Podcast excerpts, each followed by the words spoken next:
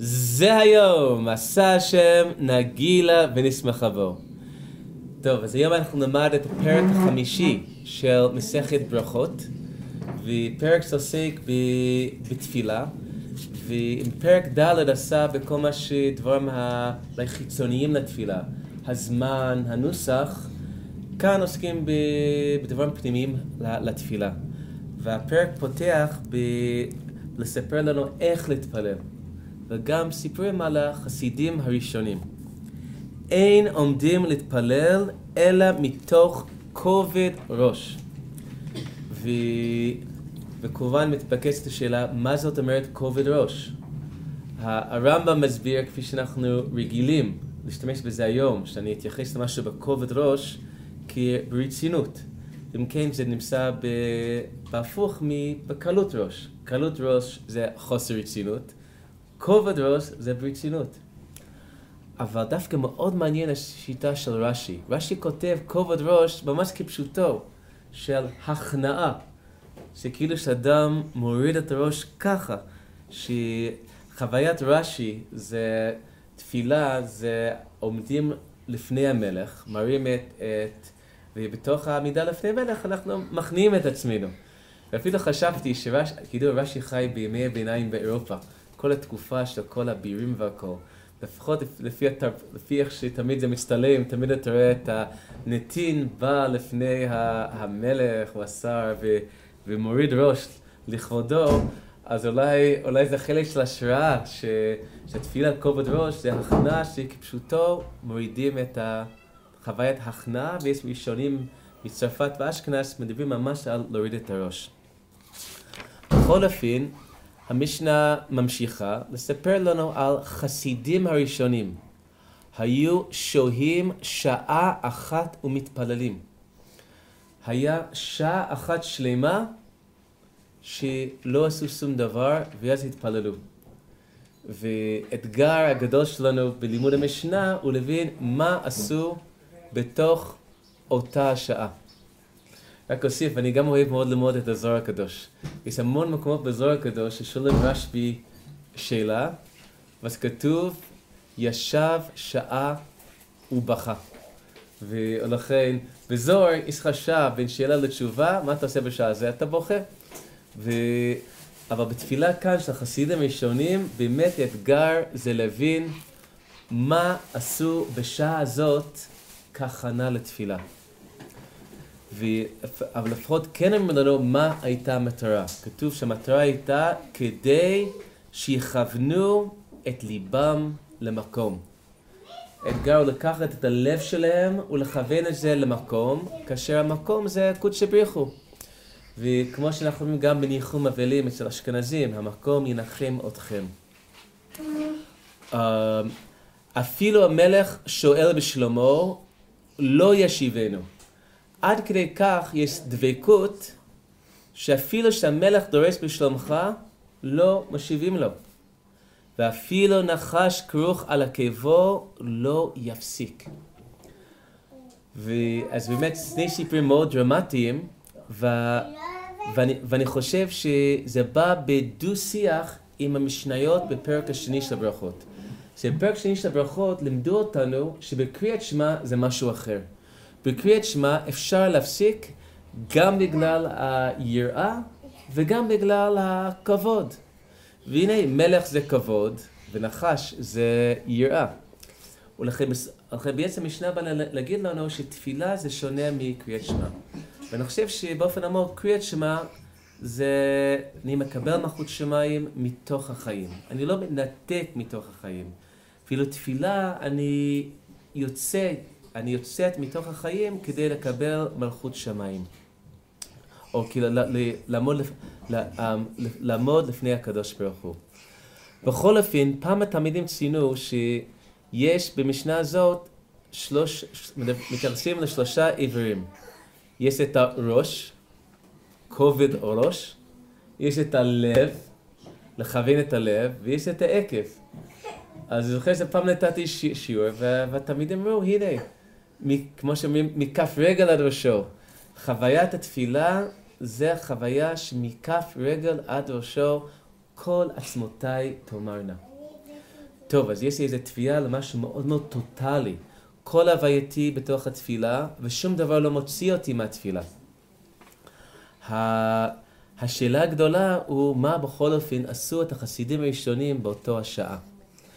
ופעם, אני זוכר שהייתי ב... נתתי צ'אמפ לכמה תלמידים, ובתוך הצ'אמפ החלטתי לחזור על שני, על שני השירים שעברתי באותו השבוע. שיעור אחד היה על פרק חמישי של ברכות, מה שלומדים היום, והשיעור השני היה על ספר יצירה, על פרק ראשון של ספר יצירה. ותוך כדי שחזרתי על שני השירים, קלטתי שיש דו-שיח בין המשנה לבין ספר יצירה. ולכן אני אקריא לכם ואסביר לכם את המשנה בספר יצירה. ו... Um, וזהו. Um, בספר יצירה נאמר, עשר ספירות בלימה. בלום פיך מלדבר. צריכים לבלום את הפה לדבר. וליבך מלהר. במפגש עם אלוקות אומרים לאדם, תבלום, תבלום את הפה, כאילו תהיה בשקט, וגם תבלום את הלב. זאת אומרת, תבלום את הלב מהרהור, הכוונה לנסות להפסיק את המחשבות. ומי שעסק בתחום של מדיטציה יודע שחלק של האתגר במדיטציה הוא השקטה של המחשבות. שלפעמים שלווין שהמחשבות זה קשור למוח, שזה עבר מאוד חשוב, אבל יש משהו יותר גבוה. יש איזו מודעות מעל המחשבות שלי. אפילו יש איזה תרגיל שאומרים לאדם, תסתכל על המחשבות שלך, אפשר לנסות את זה עכשיו, תסתכל על המחשבות שלך, וכאשר מסתכלים על המחשבות, לאט לאט זה מרגיע את המחשבות, ובסוף אתה מגיע למקום של מודעות שזה חוויה אחרת להיות במקום של המחשבות הרצות. בכל אופן, uh, זה משהו מאוד קשה, ולכן המשנה ממשיכה אם רץ פיך לדבר ולבך לערער, אבל אם אתה נכשל והפה רץ לדבר והלב רץ לערער, שוב למקום. צריכים, uh, אומרים לאדם שוב למקום. עכשיו, בצדק, בצדק, רב אריה קפלן אומר שמזהה את המשנה כאן, ב... את המשנה כאן עם, ה... עם טכניקות של מדיטציה, אבל יש נקודה אחת שאני חושב בזכות המשנה ניתן לראות, צריכים להסביר אחרת מהפירוש שרב אריה קפלן נותן בספרו, אה, בפירוש שלו לספר יצירה. בוודאי יש אמירה כאן, אתה רוצה להתקרב לאלוקים, צריכים להפסיק גם את הדיבור וגם את המחשבות. להגיע לאיזו מודעות של המעבר. וכשאתה נכשל בזה, כל כמה זמן זה יקרה, שפתאום חוזרים המחשבות, חוזרים אולי גם את הרעש והדיבור, הנחיה זה שוב למקום. השאלה מה זה שוב למקום? רב קפלן מסביר שוב למקום, זה כמו בהוליווד אומרים take two. כאילו, תתחיל מההתחלה. תתחיל מההתחלה בעוד ניסיון להפסיק את המחשבות, להפסיק את הדיבור. אבל, אבל דעתי הקשר של משנה מלמדת אותנו שצריכים ללכת לכיוון אחר. הרי מה כתוב? חסידים הראשונים שהו שעה אחת כדי לכוון את ליבם למקום. אותו מילה מקום. שעה אחת, מה עשו? דעתי לא, לדעתי השהייה הזאת זה אי עשייה.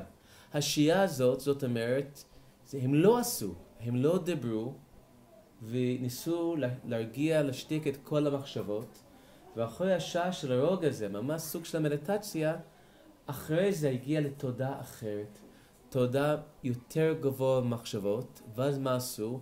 כיוונו את ליבם למקום. הנה אותו מילה שמופיע בספר יצירה.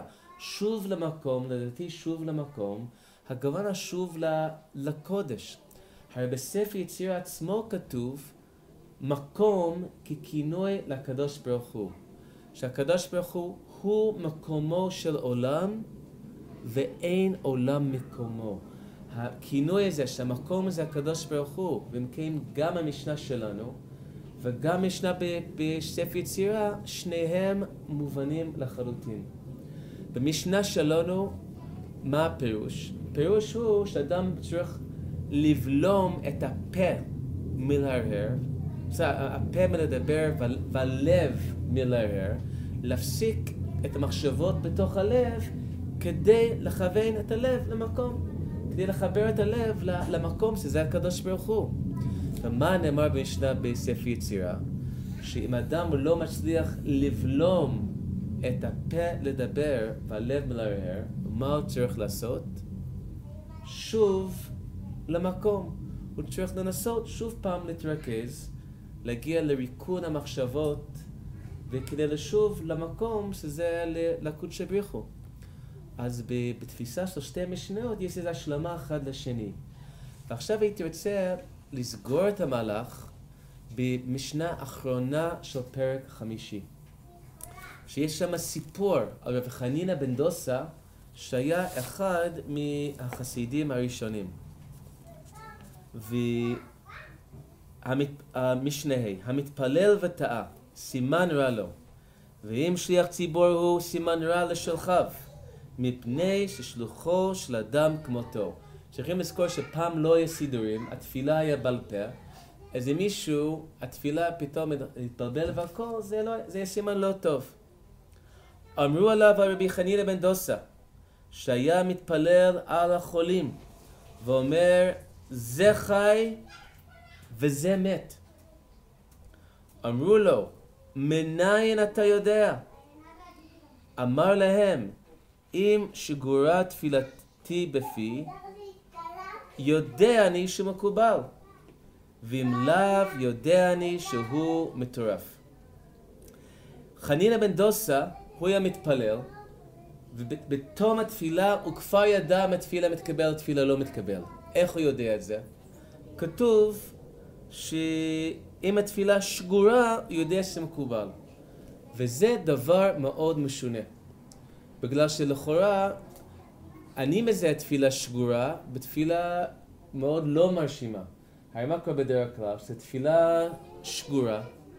מה ששגור זה, זה אוטו פיילוט, נכון? אמרת כל כך הרבה פעמים, זה שגור, אתה אומר את זה עוד פעם ועוד פעם ועוד פעם, אתה בכלל לא חושב על זה. וזה בדיוק התפילה שאני לא רוצה, אני לא רוצה תפילה שגורה, שגורה. אני רוצה תפילה שלכאורה שאני אהיה מחוברת עליו. אבל פרופסור שלמה נאה כתב מאמר שמראה שהנוסח המקורי של המשנה זה לא תפילת שגורה, אלא תפילה שגרה. שגרה זה ביטוי של איזה נביאה ואיזה זרם. ולכן מה פשט המשנה?